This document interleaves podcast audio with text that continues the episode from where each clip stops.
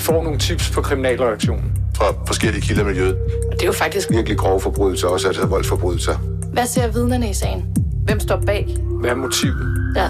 Konflikt imellem Forskellige grupperinger. Drab. Vold. Hævn. Hver uge vender vi aktuelle kriminalsager på Ekstrabladet.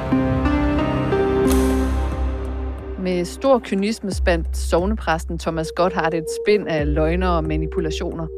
Alt sammen for at få sin hustru Maria From Jacobsens familie og veninder til at tro, at hun var forsvundet frivilligt eller måske havde taget livet af sig selv. Velvidende, at han i virkeligheden havde slået hende bevidstløs, kvalt hende og gemt livet af vejen. Tre journalister, der dækkede sagen tæt for Ekstrabladet, dokumenterer nu præstens bedrag gennem en række af de beskeder, som han har sendt, mens Maria From Jacobsen stadig var væk. Det sker i dokumentaren Præsten for Helvede, der er blevet til i samarbejde mellem Ekstrabladet og produktionsselskabet STV for Viaplay. Og nu er en af journalisterne, Mette Pedersen, med her i Afhørt. Ja. Velkommen til. Hej. Jeg hedder Linette Krøyer Jespersen, og min medvært er Christian Kornø. Og Mette, du er jo egentlig på barsel, men nu er du lige inden for en kort bemærkning for at fortælle om den her sag, som du har arbejdet på i mere end to år. Jeg er Christina Ehrenschøl, er vi øh, har dækket den siden øh, Maria from Jacobsen faktisk forsvandt i øh, oktober 2020. Under retssagen så kom Marie, Camilla Marie Nielsen så også med, øh, og det er så også tre, der har lavet dokumentaren nu. Og det er jo en meget, meget spektakulær sag, og de fleste kan jo nok godt huske, i hvert fald sådan de overordnede detaljer i sagen, men kan du lige sådan kort skitsere forløbet i sagen? Den starter med, at øh, sovnepræsten Thomas Gotthardt, han, øh, han beslutter sig for at øh, slå sin kone ihjel. Og det gør han efter eget udsagn, fordi han ikke orker at blive skilt en gang til. Så mandag den 26. oktober 2020, da Maria kommer hjem, efter hun har kørt øh, parrets to børn i skole, så slår han hende ihjel. Han har selv forklaret, at han gør det ved øh, at slå hende øh, bevidstløs med en sten ude i familiens have. Og så lægger han øh, den ene hånd over, hans, over hendes øjne, så han slipper for at blive konfronteret med hende. Og øh, den anden hånd over næse og mund, og så øh, presser han ind til, at hun er død. Men det her, det er jo det, som Thomas Gotthardt fortæller. Her på Ekstrabladet, der starter sagen jo med, at Maria From Jacobsen, hun er sporløst forsvundet. Ja, Jeg tror, vi skriver den første efterlysning den, et par dage efter øh, af Maria From Jacobsen, og der, øh, der efterlyser politiet en kvinde, øh, der en 43-årig kvinde, der er gået hjemmefra i en nedtrykt tilstand. Og øh, de gentager efterlysningen mm, ja, en uges tid, øh, 10 dage efter, hvor de så skriver, at hun er gået hjemmefra i stærkt nedtrykt tilstand. Og, og når vi får de her efterlysninger ind, for det, har, det, det får man jo nogle gange, og tit så dækker øh, det her nær, stærkt nedtrykt tilstand, det, det dækker over, at, at det er en sørgelig sag, øh, muligvis, at, at der er et menneske, der har begået selvmord, eller, over, eller overvejer at gøre det. Så, så derfor er vi jo også påpasselige med, hvor meget vi egentlig rører ved det. Og hvad sker der så videre i sagen? Der, der bliver arrangeret nogle eftersøgninger, og jeg spørger også selv politiet, er I sikre på, at der ikke er sket noget, en forbrydelse? Og det, det er der ikke noget, der tyder på. Så sker der så det lige pludselig, at så bliver han anholdt. Thomas Gotthardt, Ja. ja. Marias øh, mand, bliver anholdt. Så bliver, han, øh, så bliver Thomas Gotthardt anholdt og sigtet for, for drab på sin hustru. Den indledende fase, der nægter han sig skyldig. Ja, han nægter sig skyldig, og, øh, og, og der er simpelthen, øh, så har vi at gøre med en, en formodet drabsag, men uden noget lig, fordi øh, at, at hun er væk. Øh, og så begynder der jo så en intens jagt for at, at forsøge at finde, finde hende. Der har vel i hele den her periode været en, altså en stor eftersøgning også af, af frivillige på øh, den her bortgåede psykolog, som, som man har efterlyst. Det er klart, der har selvfølgelig været noget politiarbejde, det ved jeg ikke så meget om, udover at, øh, at de har jo let efter hende, øh, og de har ringet til krisecentre, der har, øh, de har tjekket, om hun kunne være taget med Oslobåden, eller været til Hartsen, eller til Bornholm, alt sammen. Øh, noget, som, øh, som Thomas Scott har ligesom foreslår, øh, at der kan hun være taget hen. Så han leder ligesom alle på vildspor. Øh, men så er det klart, at, at så får eftersøgningen jo en, en, en anden karakter, når han så bliver anholdt for drab. Fordi så er det muligvis en, en død kvinde, de skal finde, ikke? Og jeg havde i hvert fald, både mig og, og Christina Ehrenschøl, vi havde på en eller anden måde en fornemmelse af, at de, de finder hende lige om lidt. Men det gjorde de jo så ikke. Undervejs tager politiet jo også det lidt usædvanlige skridt og offentliggør nogle billeder af Thomas Gotthardt fra, så vidt jeg husker, nogle genbrugspladser. Ja, det er jo helt... De, der kommer nogle efterlysninger, hvor, man, hvor, hvor de viser overvågningsbilleder af ham, hvor, øh, hvor man blandt andet ser ham håndtere øh, en sækkevogn og øh, en blå tynde, som han smed ud på en genbrugsplads. Og, og det er jo helt tydeligt, at de har brug for offentlighedens hjælp til at stykke sammen, hvad det, der er sket i de her dage. Øh, for han har helt tydeligt været på nogle, øh, på nogle genbrugspladser øh, med nogle ting, og de øh, efterlyser folk, der har set ham øh, forskellige steder. De her blå tønder, de er jo sådan, altså, når jeg tænker tilbage på den sag, så kan jeg bare huske de her efterlysninger, de her store blå plastiktønder. Ja. De kommer jo også til at, at spille en rolle, også i vores egen dækning. Politiet, de ville jo ikke sige, hvad de mente, han havde brugt den til. Men da, da der kom den her efterlysning af den store blå tynde øh, i starten af 2021, at der kunne man ikke undgå. Altså det første, vi tænker, det er, at den er stor nok til, at Maria From Jacobsen kan være ned i den. Er det der, hun er gemt? Også fordi politiet efterlyser faktisk, øh, de skriver efterlysning, er der nogen, der har set den her stå i naturområder? Blandt andet øh, står der i den der efterlysning. Så det er klart, at, at den, den, den kommer til at spille en rolle, og, og har så også spillet en rolle, fordi han forklarer jo også selv i sidste ende, at, at det var den store blå tynde, han, øh, han gemte hende i. Og... og politiet ved jo også godt, hvor svære de her sager, altså drabsager uden lige, hvor svære de er at køre igennem, så det er mm. selvfølgelig vigtigt for dem at finde frem til ja. Øh, Maria From Jacobsens uh, lig. Og så er det jo i juni året efter, altså hvad er det lige godt, uh, ja, 8, det er syv måneder, syv måneder ja. senere, efter at Maria hun er blevet dræbt, at uh, Thomas Gotthard han så pludselig vælger at tilstå og føre politiet ud til det sted, hvor han har gemt Marias jordiske rester. Ja, Hvad sker han, der der? Han besluttede for, at nu, at nu vil han tilstå, og så ham og hans øh, advokat, de er så med øh, politiet rundt på det, der hedder en påvisningstur. Og der leder han så politiet rundt til alle de steder, hvor han, øh, hvor han har håndteret øh, Maria fra Mærkepens liv. Det er jo ikke lidt.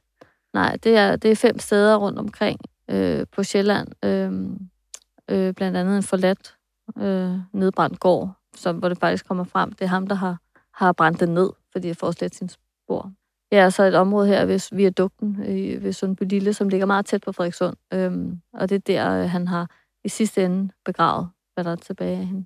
Efter at han har forsøgt at opløse livet og begrave det og grave det op igen og parteret det og brændt det. Så efter et meget, meget langt indløb, hvor han har holdt Marias familie og nærmeste i uh, uvidshed, så er det, han så vælger at tilstå. Ja. Men vi ved ikke, hvad det er, der har gjort, at han har valgt det skridt. Ja. Øh, nej, vi ved ikke hvorfor. Øh, vi ved, at, i, øh, at han selv har forklaret, at, at han tilstår for at, at give familien ro og give familien fred.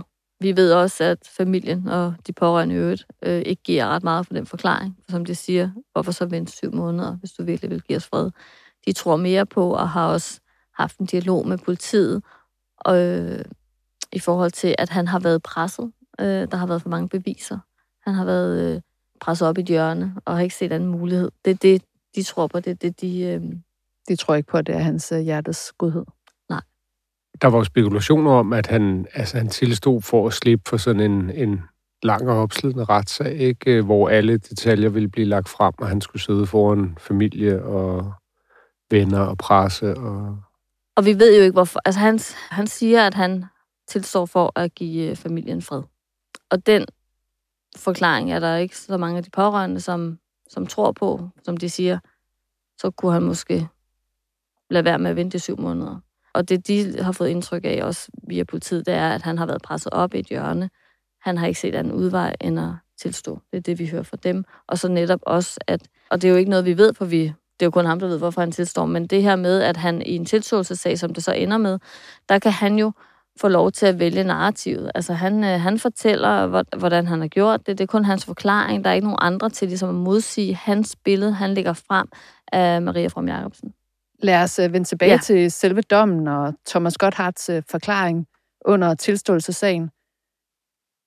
Nu har du og Camilla Marie Nielsen og Christina Ehrenskold, dine kolleger, jo øh, stået bag en øh, dokumentar, Præsten for Helvede, hvor I er vendt tilbage til Maria From Jacobsens øh, forældre og hendes søstre og hendes øh, nære veninder, for at fortælle øh, deres øh, historie om, øh, om Maria og deres opfattelse af hele den her sag.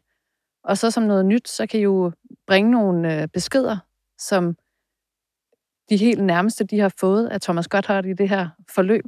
Hvad er det, som Thomas Gotthardt, øh, den her sovnepræst, han skriver for at få et øh, skalkeskjul for det, han har begået mod øh, Maria?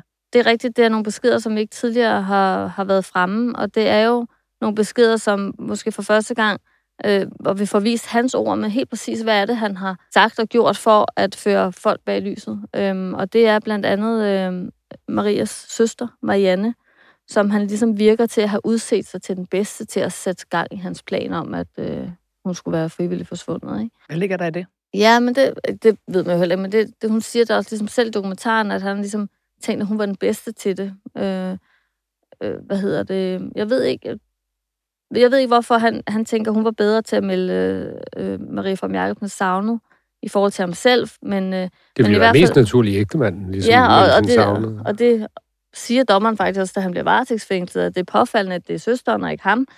Så, så hvad han har tænkt, det ved jeg ikke, men i hvert fald så, så hiver han hende ligesom sådan til sig, så det skaber fortrolig rum, og, og hun er meget den, han har kontakt til de tre uger, og også i, i eftersøgning, og de skriver meget sammen omkring øh, de nye spor og så videre. Og hvad, hvad står der i de der beskeder, eller bare en af dem i hvert fald? Altså, Ja. Det er jo lidt interessant. Jamen, den allerførste, der, der skriver han, øh, starter med at skrive, kære Marianne, du må gerne ringe til mig, når, når du kan. Det er om Maria.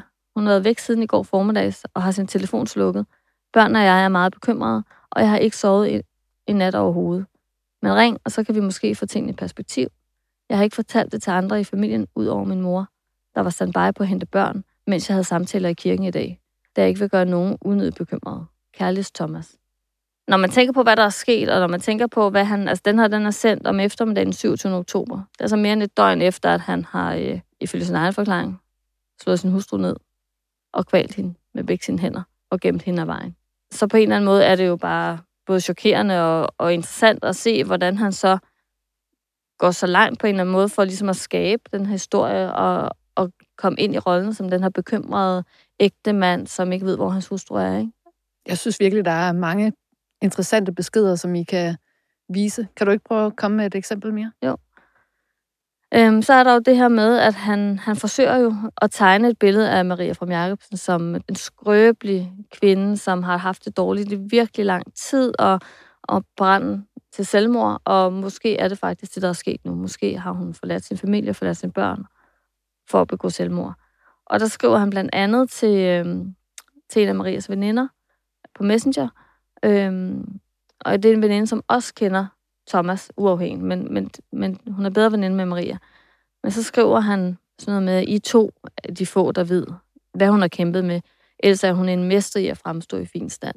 Altså, du ved allerede her, at hun... Øh, at der ligger noget bag facaden, som ingen har set.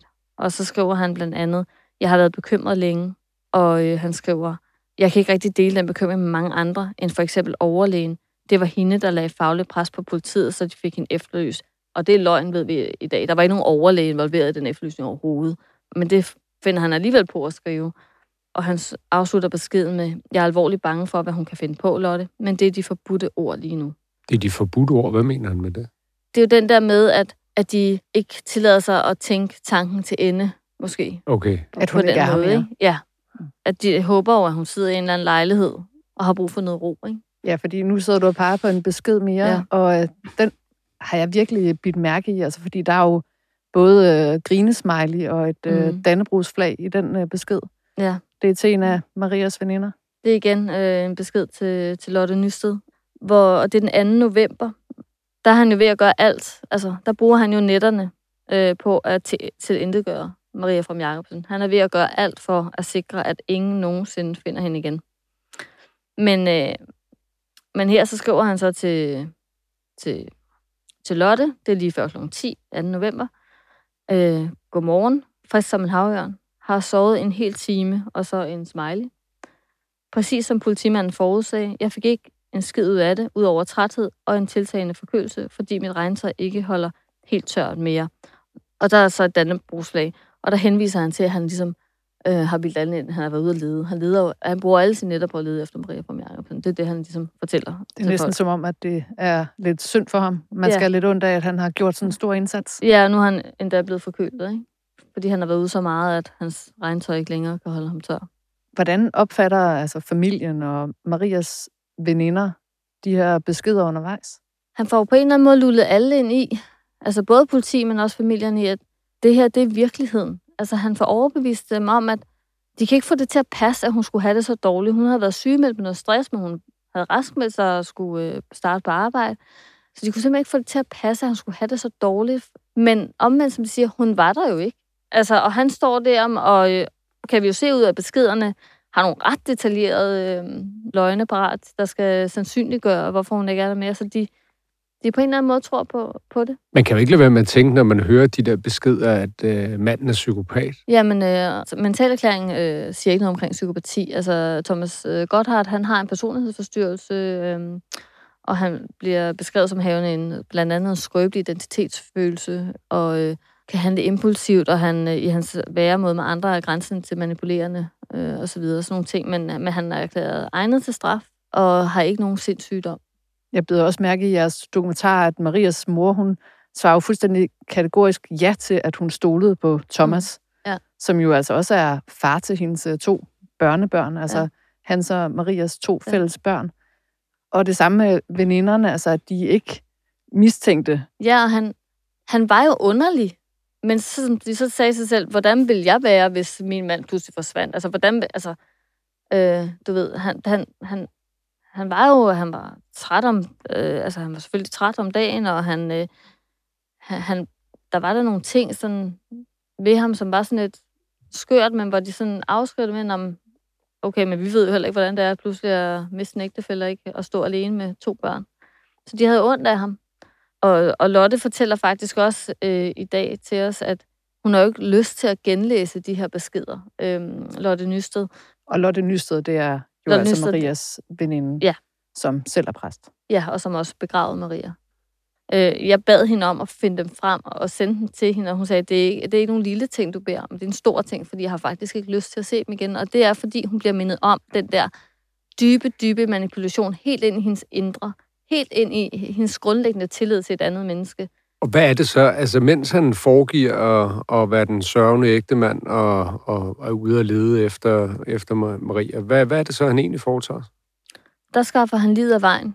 Og han bruger faktisk 12 dage, og han flytter det fem gange. Ja, han starter med at forsøge at opløse livet med kemikalier, og så, da det ikke lykkes, så flytter han det, og så graver han det ned. Så frygt for, at hun bliver fundet, graver han det op, og så parterer han det. Så flytter han delene et andet sted hen og brænder dem, og så kører han til sidst ud og, og begraver dem ved den her viadukt. Hvilket også virker meget voldsomt. Altså, jeg har aldrig, altså i min tid som kriminalreporter, haft en sag, hvor man har gjort så mange øh, kraftanstrengelser for at, at slippe afsted med en. Altså håndteret det så mange gange. Øhm. Ej, det er utroligt bestialsk, ikke? Altså først syre, så finder man saven frem og, og, og, og skoven. Og... Det virker som om, han ligesom har været ude på, og, og det er jo for fuldstændig for egen regning, men det føles som om, han har været ude på at, at ødelægge alt ved Maria. Det er også det, hendes mor siger. Han har forsøgt at ødelægge hende, han har forsøgt at ødelægge hendes, øh, hendes, øh, hendes ry øh, ved at bilde børnene ind, at deres mor har valgt dem fra, slå hende ihjel, og så også ødelægge hendes krop øh, ved at, at gøre de her ting med hende. Altså, det er jo det, det hele i virkeligheden er jo bare uforståeligt.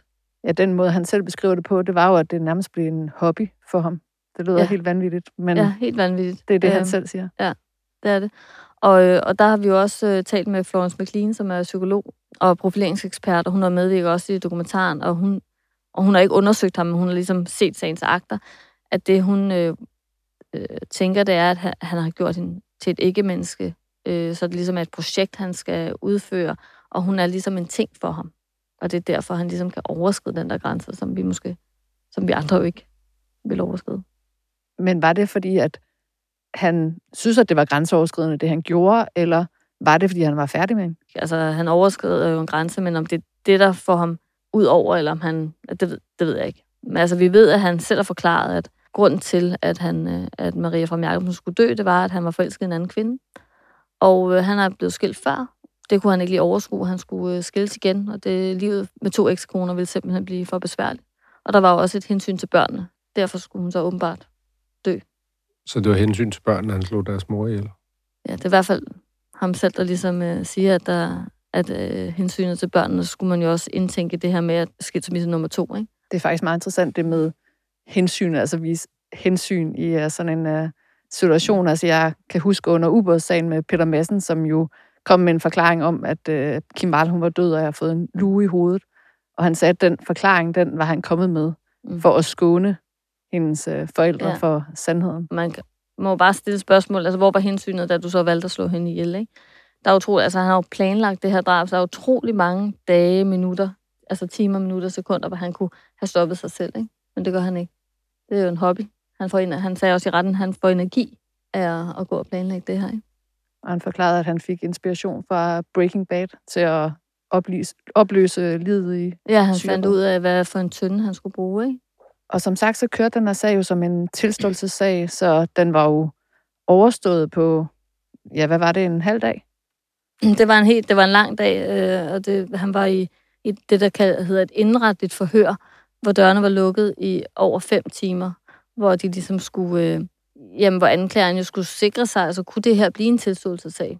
Øh, fordi ellers, hvis han ikke, hvis de ligesom ikke, hvis han ikke øh, svarede tilfredsstillende på spørgsmålene i forhold til de beviser, de havde, så, så ville de jo slutte den der, og så ville det blive en nævningesag i efteråret. Øh, og så Altså Kom. hvis han ikke erkendte tilstrækkelig skyld. Ja, altså hvis, det, hvis de ting, han ville erkende, ikke stemte overens med deres beviser, så, øh, så var det nødt til at blive at køre den store lange sag. ikke? Men så tror jeg, sen eftermiddag, så øh, blev det så meldt ud, at, at nu ville det blive kørt som tilståelsessag, og så kom vi alle sammen ind i retten, og så var det så faktisk anklageren, der læste hele hans forklaring op øh, for, for salen. Ikke? Og det tog 40 minutter. Og hvad endte det med? Jamen, det endte med, at Thomas Gotthardt han fik, øh, blev idømt 15 års fængsel for at planlægge og udføre drabet på sin hustru, Maria fra Jacobsen, og øh, for øh, usømmelig behandling af lig. Og nu har du jo dækket den her sag sindssygt meget, og du har jo også været til nogle fristforlængelser Ja. undervejs, hvor du har set ham. Men hvad var det for en mand, du så i retten? Øh, jamen, øh, Thomas Gotthardt, han er en meget høj mand. Og jeg tror, det første, jeg lagde, det første gang, jeg var der, det var til en fristforlængelse. Øh, der lagde jeg mærke til, øh, at han ligesom ikke dukkede nakken. Han kom høj og rank ind og kiggede rundt i lokalet og, og satte sig. Øh, Ved hovedforhandlingen, der nåede jo så frem til, at han rent faktisk erkender, at han har begået den der meget, meget skrækkelige forbrydelse mod sin egen hustru, moren mm. til hans børn. Kunne man se, at det havde ændret noget ved den der meget selvsikre attitude? Ikke rigtigt. Altså, han, øh, han, han er jo så høj, så jeg følte faktisk, at det nærmest kun tog ham to skridt og nå hen til der, hvor han skulle sidde i retten. Eller sådan, han ligesom gled hen over, øh, hen over gulvet. Øhm, og så havde han sådan en lille øh, hvid krave på. Og jeg lagde ikke selv mærke til det, men der var flere tilhører, der sådan, at dem, det var Maria fra, altså retssagen var fyldt med Maria fra Jacobsens pårørende, som først tænkte, hvad har han præstekrav på? Øh, fordi det lignede det, sådan en, den der lidt diskrete Okay. præstekrav. Det var det så ikke. Øhm, men, øh, men han sad jo bare sådan helt stille, øh, nogle gange med hovedet øh, bukket, øh, andre gange sad han og kiggede ud. Altså, hvordan han så har været i de fe- over fem timer, som forhøret jo ligesom er, har varet, det aner vi jo ikke. Men han, øh, han får det sidste ord i retten, og det gør alle øh, tiltalte, inden de får deres dom. Der bliver de spurgt, har du noget at sige? Og øh, har han sådan et lille stykke papir i hænderne, som han slet ikke kigger på. Så rejser han sig ligesom og vender sig. Altså Øh, foran tilhørende. Ja, foran tilhørende. Han vender sig mod tilhørende, som om han står over for sin menighed. Og så begynder han at tale, og begynder ligesom at øh, at jeg har slået Maria ihjel. Øh, men øh, der går ikke ret mange sekunder, før retsformanden ligesom siger, stop, du skal sætte dig ned, du skal tale til mig. Øh, og for ligesom stoppet den der seance, som, øh, som de pårørende, vi har talt med, øh, har fandt enormt usmageligt. Men det er, fordi de sidste ord i retten er, skal stiles til retten og ikke til, til tilhørende. Og Thomas Gotthardt, han modtog dommen Ja. På de 15 år. Og det skal jo sige sig, at I har jo forsøgt at få ham i tale. Men det har han ikke reageret på. Ja, vi har ragt ud til ham af flere omgange. Øhm, hvad hedder det? Både os og øh, STV. Øh, altså, han har ikke vendt tilbage. Nej. Så for Thomas Gotthardt, så endte den her sag med, at han fik 15 års fængsel. Nu har vi været en masse omkring ham, men det virkelige centrum af den her sag, det er jo Maria From Jacobsen. Og jeg synes egentlig, at det er passende, at vi afslutter med at Mm. snakke om hende. Ja. Altså snakke om, hvem hun var. Ja. Og det har du jo Ja. fået et rigtig godt billede af via dem, der var aller tættest på hende. Ja, for det er underligt, fordi man jo ikke kender hende. Altså, altså vi har kender hende jo ikke, vi har aldrig mødt hende. Øh, og så alligevel, så, så føler man, når man kommer tæt på de pårørende, som vi har gjort over så lang tid, at man, at man får det her billede af hende. Og hun var, altså øh, Maria fra Jacobsen, som vi, som det billede, vi har af hende, det er, var i hvert fald alt andet end den skrøbelige, øh, selvmordstruede kvinde, som øh, Thomas Gotthardt har forsøgt at, øh, at tegne. Hun var stærk. Øh, hun var en løvemor. Øh, hun ville gøre alt for sine børn. Og hun prioriterede tid med familien. Hun havde den der med, at når der var noget i skolen, eller når de havde madklub, så satte hun altid barn lavest. Hun var den, der kom med en øh, købt spejepølse fra brusen, i stedet for at stå og konkurrere flere timer. For det var simpelthen ikke vigtigt for hende. Det vigtige, det var tiden med, med børn og tid med familien. Og, øh, og det var også hendes drøm, det var at, at blive mor. Og øh, så var hun øh, sjov, fortæller veninderne. Altså den har lidt underspillet øh, humor. Og, øh, og det synes jeg også, man kan se lidt på nogle af de klip, der er i dokumentaren. Øh, der har vi fået nogle levende billeder af hende, som jo virkelig får hende øh, vækket til live på en eller anden måde, og for, for, for givet hende stemme, der ligesom bare ved. Er det også for at fortælle det her billede af Maria, at hendes øh, forældre og veninderne, de vælger at, at medvirke i den her dokumentar?